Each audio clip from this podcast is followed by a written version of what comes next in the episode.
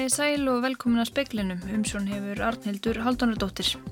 Dæmi er um að sjúklingar þurfi að greiða 10.000 krónur aukalega fyrir heimsók til sérfræðilegnis. Þetta aukagjald er ekki niðurgreitt af ríki. Forstjóri sjúkratrygginga segir þetta sína að brínt sé að ná samningum við sérfræðilegna sem fyrst. Deilur Bandaríkjan og Íran virðast engan endi að það taka. Ásakannir hafa gengið milli í tengslum við njósnadróna sem Íranar skutu niður í fyrrakvöld. Sjötta Sigrid Solstis háttíðin var sett í laugardalum í dag eftir mánadalangar samningavirðar við Reykjavíkuborg. Fjöldi heimstæktra tónlistamanna kemur þar fram. Formaður félags framhaldsskólakennara segir að trúnaðabrestur hafi komið upp þegar formaður kennarasambands Íslands beitti sér fyrir frumvarfið að nýjum lögum um mentun, hæfnu og raðningu kennara. Íbúar í skútustæðarreppu og þingegarsveit eru almennt, almennt jákvæðir gagvart viðræðum um saminningu sveitafélagana. Í síðara hluta speilsins minnust við þess að í dag eru tíu ár liðin frá því grænlendingar fengu sjálfstjórn. Þá reykti mikil bjartsinu um framtíðina en nú tilur þáverandi formaða landstjórnarinnar að leysa þurfi gríðarlega félagslega vandamál áður en hugsa sig um fullt sjálfstæði. Og við fjöldum líka ítarlega um þá kólefnisjöfnunar kosti sem bjóðast á Íslandi í dag.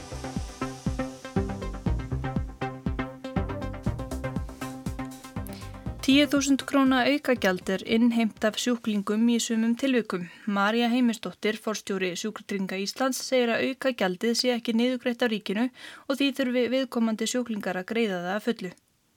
Því miður að þá eru ofmörg dæmi um það að það séu innheimt önnurgjöld af sjúklingum og þá er engin greiðslu þáttaka í því og við vitum í rauninni, við verðum ekki vörfið þetta en sjúklingar koma sjálfsögðu hingað og bera sig auðvitað ílla undan þessu. Þetta er í sömum tilvikum nokkuð háar fjárhæðir. Hversu háar? Já, ég veit um 10.000 krónur og það gjald kom uh, í rauninni mjög fljótt eftir að samningurinn rann út. Þannig að fólk er svolítið að leita hingað og hvarta undan því að það sé að borga eitthvað sem ríki takk ekki þátt í? Já, fólk gerir það. Er mikið um það? Eh, ég myndi ekki segja að það veri mikið um það en auðvitað finnst okkur þetta bagalegt og þess vegna þá ætti það að vera sameilegt keppi keppli okkar allra að koma, þessari, koma þessum samningum í höfn. Þetta var Marja Heimistóttir, Kristín Sigurðardóttir talaði við hana. Deilur bandaríkjan og Íran virðast engan endi ætla að taka. Ásakanir hafa gengið á báðabóa í tengslum við njósnadróna sem Íranar skutu niður í fyrrakvöld. Donald Trump, bandaríkjaforsiti, rætti við bladamann eftir fundi í gær með Justin Trudeau, forsetsráþara Kanada, um deilurnar við Íran. I think probably Iran made a mistake. I would imagine it was a general or somebody that made a mistake in shooting that drone down. It was over international waters, clearly over international waters, but we didn't have a man or woman in the drone. We had nobody in the drone. Are you still open? Would have made a big difference, let me tell you. Would have made a big, big difference. Hann teldi að íranskur hersöðingi eða einhver annar hefði gert mistök með því að skjóta niður drónan. Hann hafi augljóslega verið á alþjóðlegu loftsvæði. Engin hafi verið um borði í honum, gorki karlni kona. Hefði svo verið horði málið allt öðruvísi við. Trump samþýtti í gerkvöldi loftar á sér á Íran en skipti síðan um skoðun samkvæmt New York Times. Hann saðist í dag hafa hætt við tíu mínútum áður en þar áttu að hefjast. Loftarósinnar hafi verið ofhörð viðbrögð þar sem 150 myndu falla í þeim. Varnarmálaráðuniti Íran segir engar viðvaranir hafa borist frá bandaríkjamönnum vegna yfirvofandi loftarása þeirra og frettir af slíku væri ekki á raukum reistar. Íranar segjast hafa sannanir fyrir því að drónin hafi rofið loftelgi landsins og þeir varað bandaríkja herra tvísvar við því að svo væri áður en þeir skutu hann niður. Ekkert tillit hafi verið tekið til þess og hann fyrir skotin niður. Íranskur herfóringi segir að ákverðin hafi verið tekin um að skjóta ekki niður bandariska flugvél með 35 innanbors sem fyllt hafi njósnadrónarum. Bandaríkin hafa óskað eftir lokuðum fundi í öryggisræðu saminuðu þjóðuna á mánudag vegna málsins. Þorvarður Pálsson saði frá. Sjötta Sigrid Solstis-háttíðin var sett í laugardalum í dag eftir mánaðalangar samningavirðaður við Reykjavíkuborg. Fjöldi heimsþektra tónlistamanna stýgur á sviðum helgina og búist er við þúsundum gesta. Sunna Valgerðardóttir er í laugardalnum. Sunna, fer þetta vel á stað? Já, þetta fer bara bæði rólega og vel á stað. Eh, svæðið opnaði klukkan hálf fimm og það var svona um það bíl þá þegar að sólinn byrjaði að skína. Það er rosalega gott veður og fólk er svona að byrja að streyma inn á svæði, þetta eru kannski, ég veit ekki, kannski 2, 3, 400 manns sem eru komnir Uh, undanfærin ár hefur fjöldi gesta farið alveg upp í sko 15.000 en þetta, svona, þetta er, er rétt að byrja. Það eru rosalega margir, uh, augljóslega mjög margir starfsmenn hérna og hjá mér er Kristófur Björnsson, hann er yfirmaður uh, í gæslunni, öryggisgæslunni hérna. Hvað eru þið mörg að vinna bara í gæslunni? Það sé ekki rúmlega 90 manns, eitthvað svo leiðis, um það byll. Og er þetta, er þetta gæsla alveg sérst, allan tíman eða er svona meira núna þegar þetta er að byrja eða hvernig er það? Þetta er bara gæsla sem er allan, allan tíman með rópið hérna og fylgjast með gangamála. Og þetta verður allt farið vel fram? Fyrir allt mjög vel fram. Takk að kella fyrir þetta Kristófer Björnsson og við ætlum að, að láta þessu loki hérna í byli úr lögadalum og Secret Solstice en, en verðum aftur hérna í kvöldfréttum klukkan 7. Takk fyrir þetta Sunna Valgerðardóttir. Guðriður Eldei Arnardóttir, formaður félags framhaldsskólakennara, segir að trúnaðarbrestur hafi orðið þegar Ragnar Þór Pétursson, formaður kennarasambands Íslands, beitti sér fyrir frumvarpiðan í um lögum um mentunhæfni og ráðningu kennara. Mikil óeining er milli aðildarfélaga K.I. um lögin en félag framhaldsskólakennara óttast að með lögunum dragi úr sérhæfingu kennara. Guðriður segir að snemma hafi orðið ljósta sjónar með aðildarfélagana væru það mismunandi að erfittir þann á sátt um eina afstöðu. Því hafi verið mikilvægt að formaður og varaformaður KI sem séu talsmenn allra aðildafélaga KI myndu gæta hlutleysis. Það er erfitt fyrir þau að taka afstöðu með uh, sjónamöðum eins aðildafélags gegn sjónamöðum annars og þegar það reyndist svo þegar hólminn var komið þannig að formaður KI tók þarna mjög afgerandi afstöða þá þetta reyndist að mála okkur bara mjög erfitt.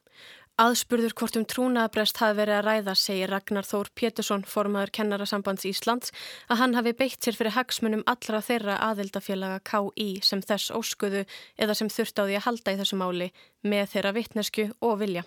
Þegar styrinn stóðu fram á skóla kennurum þá reyndi ég að geta hagsmuna þeirra og tala þeirra máli inn í maður inn í, inn í kerfið og á síðustu metrónum þegar að ljóst var að máli var komið í þinglega meðferð þá gæti ég þess bara sjóna með allra aðeldafélaga heyrðust. Guðriður segir að það þurfa að fara betur yfir þetta mál en hún telur að það gerist með haustinu. Katrín Ásmundsdóttir rætti við formenn félags framhaldsskólakennara og kennarasambands Íslands. Íbor í skútustadarheppi og þingiðarsveit eru almennt í ákvæðir gagvart viðræðum um saminningu sveitarfélagana ef markam á fyrstu kynningarfundi sem haldnir voru í gær. Sveitastjórnir skútustadarreps og þingaðasveitar samþyktu nýverið að hefja viðræður um saminningu. Skipuð var samstarfsnemnd sem á að kanna ávinning skila tillögu til sveitastjórna fyrir lok árs 2020 sem erði svo lögð fyrir íbúa í atkvæðagreðslu. Í gæra voru haldnir fyrstu kynningarfundir með íbúum begja sveitafélaga. Þar var farið yfir stöðuverkefnisins næstu skref og gafst íbúum tækifæri til að koma sjónamiðum sínum á framfæri. Helgi Hjeðinsson, oddviti skútustadarreps, segir að vel hafi verið mætt og fólk hafi tekið virkan þátt. Og ég skinniði ekki annað en að stemmingin fyrir verkefninu væri, væri svona nokkuð jákvæð, þetta væri farið á stað. Arnór Benonísson, oddviti þingaðasveitar, tekur undir þetta, þótt vissulega hafi ímið sjónamið verið á lofti eins og eðlilegt sé á þessum tímapunkti. Í skútustæðarheppi búa um 500 íbúar og um 900 í þingaðasveit. Verði af saminningu erði til langstæsta sveitafélag landsins að flatamáli. Arnór segir verkefnið spennandi og við erum að fara inn í þetta verkefni ekki af nefni nöyð, sveitafélagin standa bæði vel, við erum að fara inn í þetta verkefni sem sóknartækifæri. Saði Arnur Benunísson, Jón Þór Kristjánsson tók saman.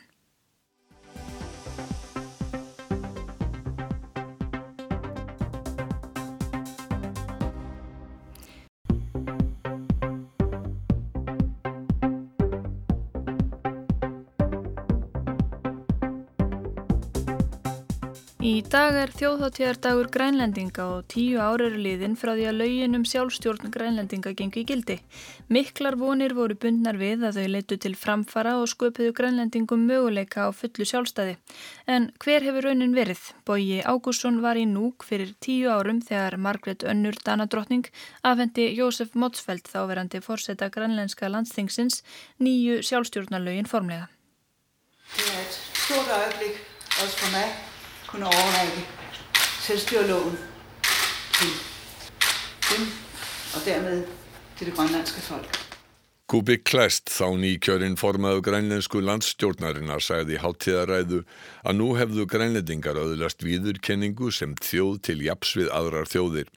Margar þjóðir hefðu þurft að færa þungar fórnir fyrir sjálfsáfkorðunar rétt en grænlendingar hefðu fengið þann rétt með viðræðum, gagkvæmum, skilningi og virðingu.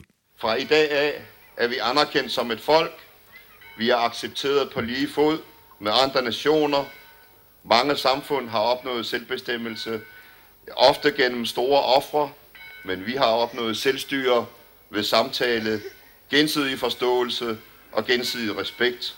Klæst lísti við þetta takkifæri þeirri trúsinni að með sjálfstjórninni gætu grænlendingar orðið upplug, velmentuð og kraftmikil þjóð forsendur væru til þess. Hugsum til einstæðra forfæðra okkar sem ekki nutu nokkur stuðning, sagði Klæst. Jeg tror på, at vi gennem selvstyret skaber et stærkt, veluddannet og energisk folk.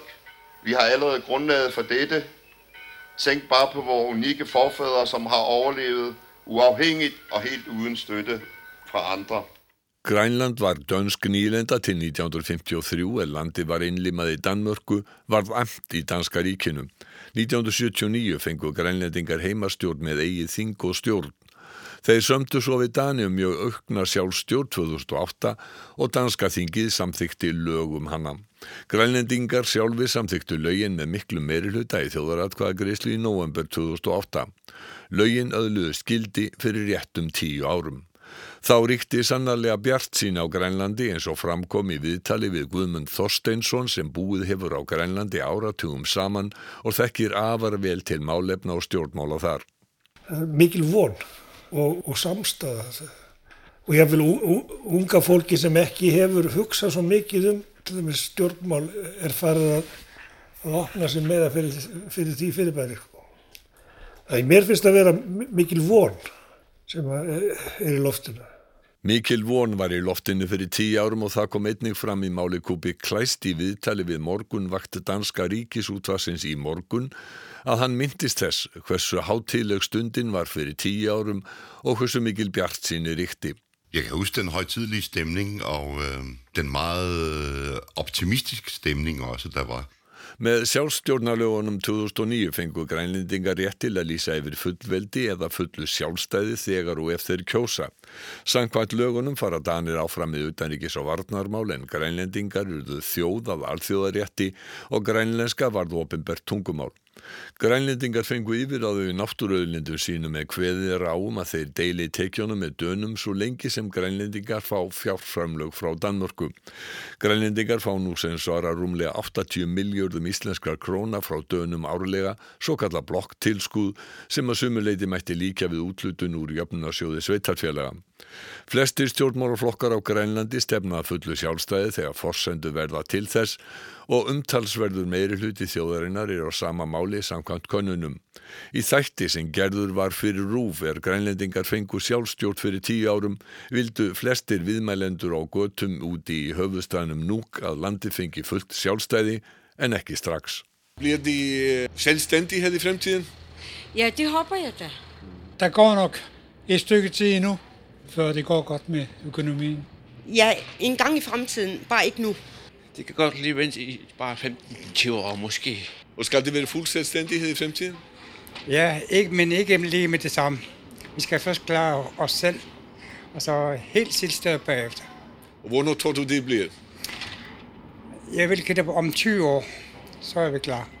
Þennan júnidag í núk árið 2009 virtist nokkuð almenn skoðun að 15 til 20 ár liðu áður en að grænlendingar gætu hugsað um fullt sjálfstæði.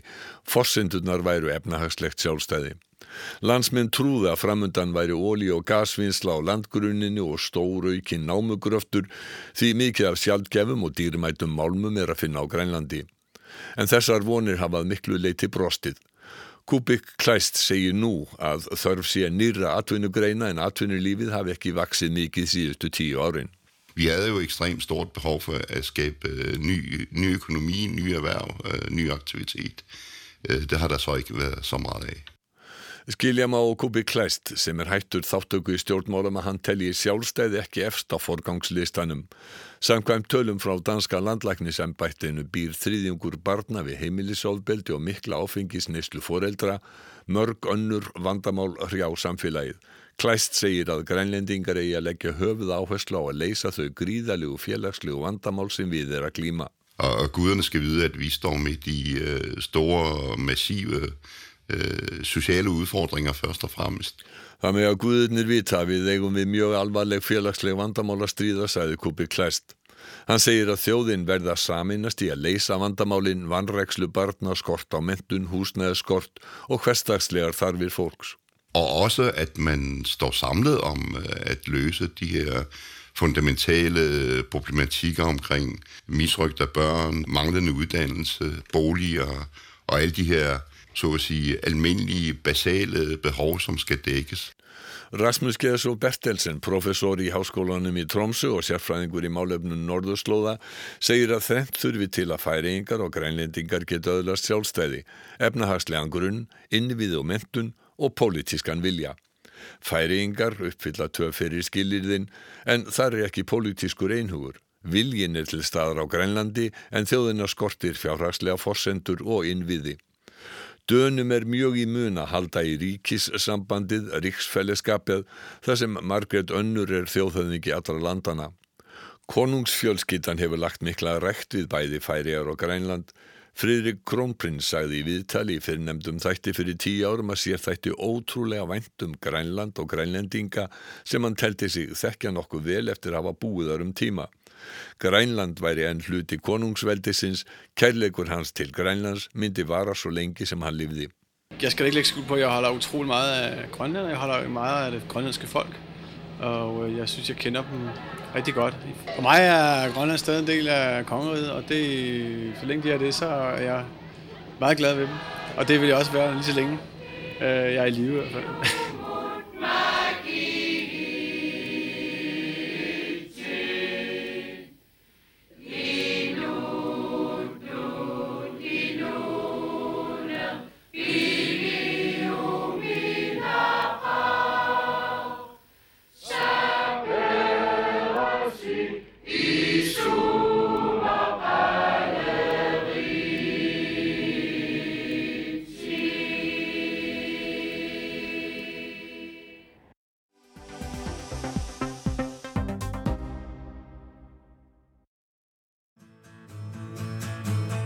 Slæmar eru horfurnar, bráðum verða torfurnar, allar undir grænni torfu.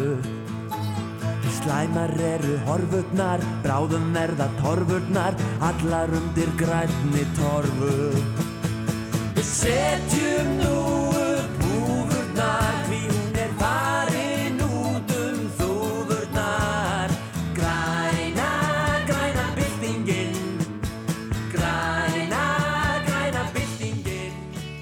Það kostar 2000 krónur að kólefnisjafna 1 tonn af koldvísýringi hjá kólefnisjöfnunarsjóðunum Kolviði en 5000 krónur að kólefnisjafna sama magn hjá Votlendisjóði.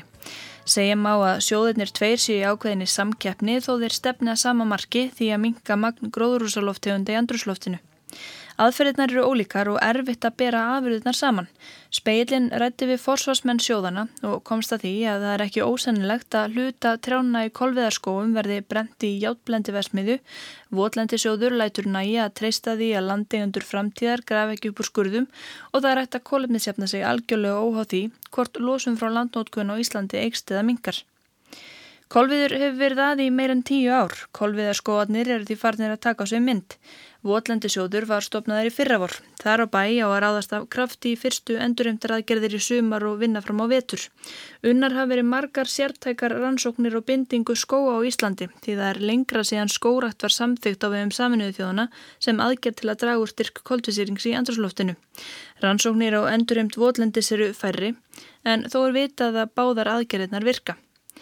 Að bera saman þessa tvo íslensku kólefnisjöfnunar kosti er svo gott sem ómögulegt. Það er verið að bera saman eppli og appelsínur en samt er þetta kallað saman nafninu kólefnisjöfnun.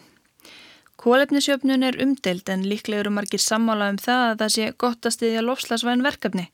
Það sem er umdeild er hvort rétt sé að tengja þann stuðning við losun einstaklinga og fyrirtækja að tala um jöfnun. Sumir tala um synda af lausna kólefnisjöfnun kunna draga úr kvata fólks til að draga úr losun. Ef raunin er svo að fólk losnar alfarið við flugviskubitið og verður svo ánægt að það flýgur oftar til tenni og eigur losununa, getur kólefnisjöfnun haft neikvæð áhrif. Þetta þyrtu sálfræðingar kannski að skoða. En ef kólefnisjöfnun er síðan sem liður í því að bæta upp fyrir þá losun sem ekki var hægt að koma í veg fyrir, ætti hún að hafa jákvæð áhrif. Fulltrúar umhverjastofnunar tala fyrir því að fólk og fyrirtæki gerir hverju tvekja, kólefnisjafni og dræjur losun. Það dugi ekkert minna í ljósi alvarleika vandans. En aftur að íslensku kostunum, endurheimt Votlandis miður að því að minka losun sem ella hefði orðið. Þegar Votland er framræst kemst súrefni að gömlum plöntuleifum í jærðveginum og þær byrja að rótna. Við þetta markfaldast losun frá landinu. Það að þú styðjir við endurheimt Votlandis hefur engin áhrif á losun frá bílum og flúvilum. Þú ert einfallega að styðja það að gerð sér við laskaland og tryggt að losun frá því minki til muna. Með skórakt er verið að binda kólefni, það má segja öfugt við okkur andi tré sem er í fullu fjöri að sér koltvísýringi og frá sér súrefni. Eftir því sem trén vaksa fjarlæðið um meiri koltvísýring úr andurslóftinu. Með skórakt verið að nýbinda koltvísýring, það er því hægt að tala um að með þessar aðgerð fjarlægirðu ígildi eiginlósunar úr andurslóftinu en það gerist á laungum tíma og þú ert jáfnvel ekki búin að jafna lósun ásins í ára fullu fyrir en laungu eftir andlátið.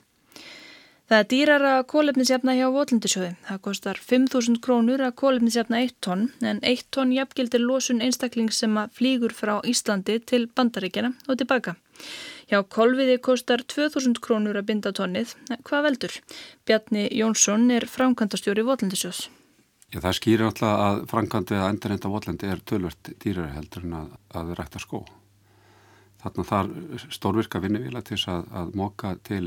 E, skurðargröftu ofan í skurðin og þjappa og bóti stíplur og hvað eina og það er aðalega þetta sem skýrir þennan mismun.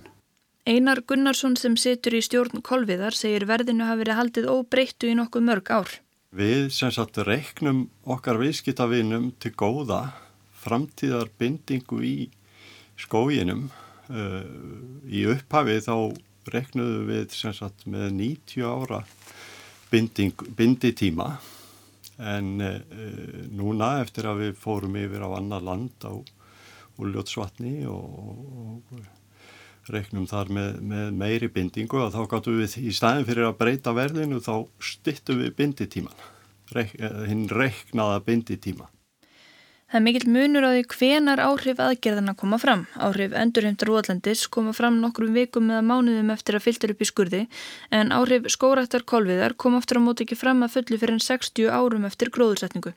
Einar segir að ekki megi leggja alla áherslu á skamtíma lausnir í lostasmálum. Þetta finnst sumum allt og langur tími en e, það er nú þannig að Lofslagsmálinn eru bara á allt öðrum tímaskala heldur en við erum vöna að hugsa. Lofslagsmálinn eru á svipuðum tímaskala eins og, eins og skóurinn þrýfst á.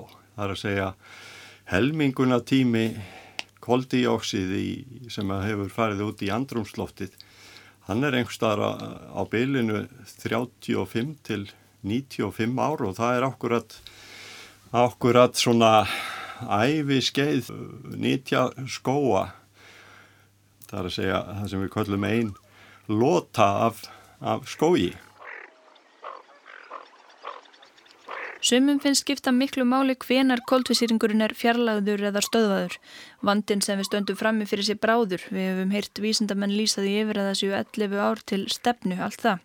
Með því að versla hjá votlindisjóði getur fólk strax stöðvað jafn mikið að það losar, ekki bara í eitt ár, heldur árum saman. Til að binda losun ásinn strax hjá kolviði, ekki eftir 60 ár, þyrta að planta 60 sem fleiri trjám í dag. Tónið myndi kosta 120.000 krónur en ekki 2.000 krónur og þetta þyrta að borga á hverju ári vildi fólk halda áfram að kolumnisjafna sig. Aftur er hér rétt að minna á að aðgerðnar eru ólíkar og því erfitt að bera þær saman. Aðgerði sjóðan að tvekja byggja á rannsóknum og að þeim koma fagráð og fræðimenn, útíktarstofur, háskólar og ríkistofnanir. Sviðstjóri hjá umhverjastofnun saði samtali við speilinni byrjun júni að það væri æskilegt að fyrirtækin upplöði sér líka alþjóðlegar vottunar fengið að staðfest frá þriði aðila að árangur þeirra væri raunverulegur og varanlegur.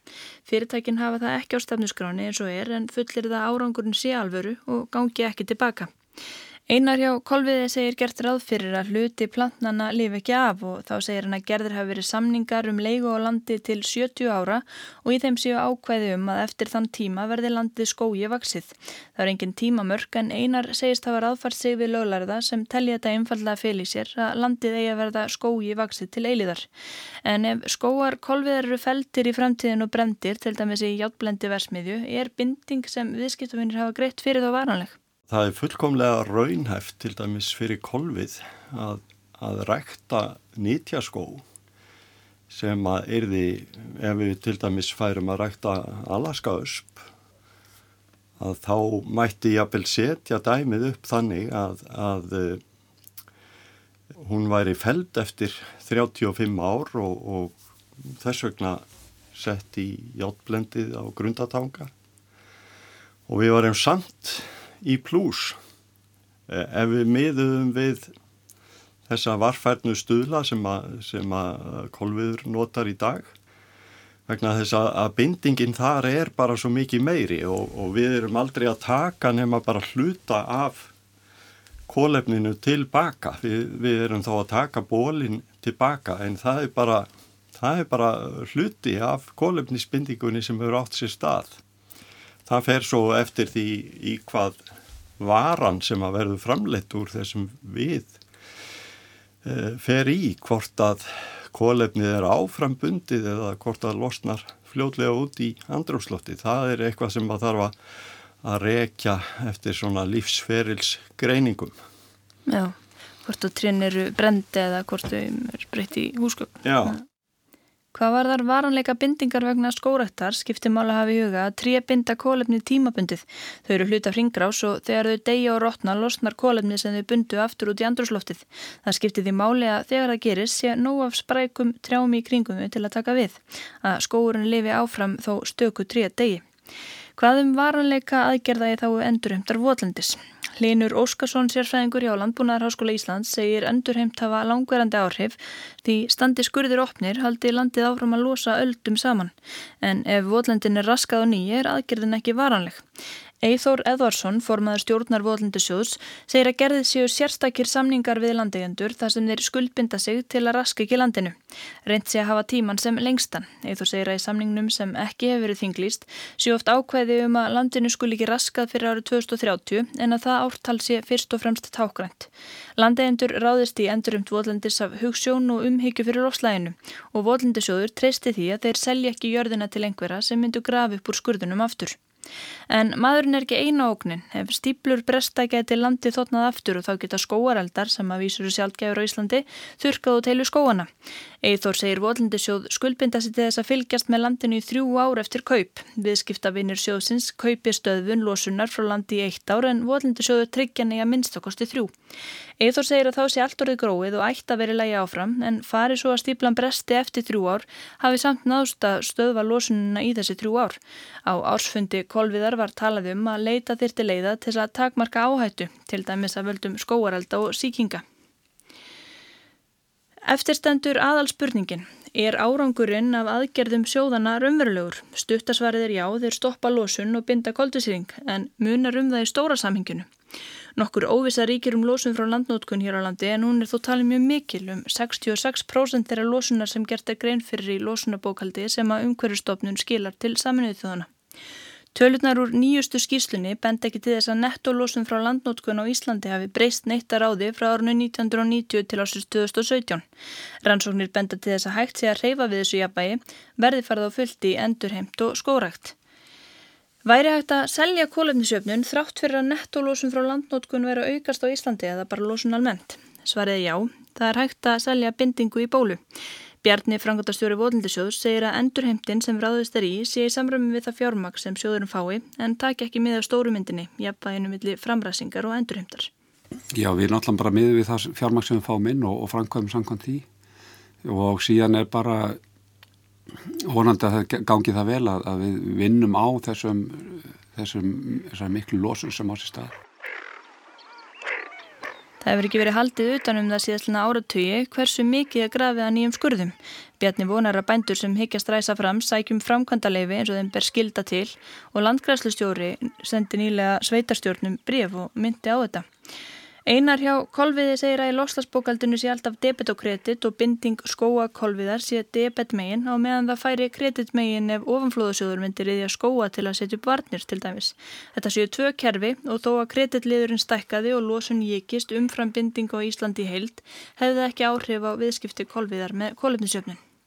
Hvað situr þá eftir? Leiðirnar eru ólíkar, það er lofslas ávinningur að þeim báðum en eins og staðan er í dag er ekki hægt að fullir það að árangurinn var að eilifu og þá er ekki hægt að fullir það að kólefnisjöfnun verði til þess að nettólósun frá Íslandi eða lósun á heimsvísu mingi eitthvað.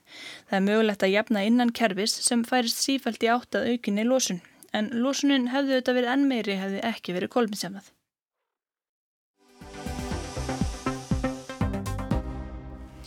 Þá veðurhorfur, hæg norðlæg eða breytilega átt og skúrir en úrkomi lítið vestan til, bjarta mestu sunnan og vestalands að morgun og þurft að kalla, hiti 7 til 17 stig, hlýjast á Suðurlandi.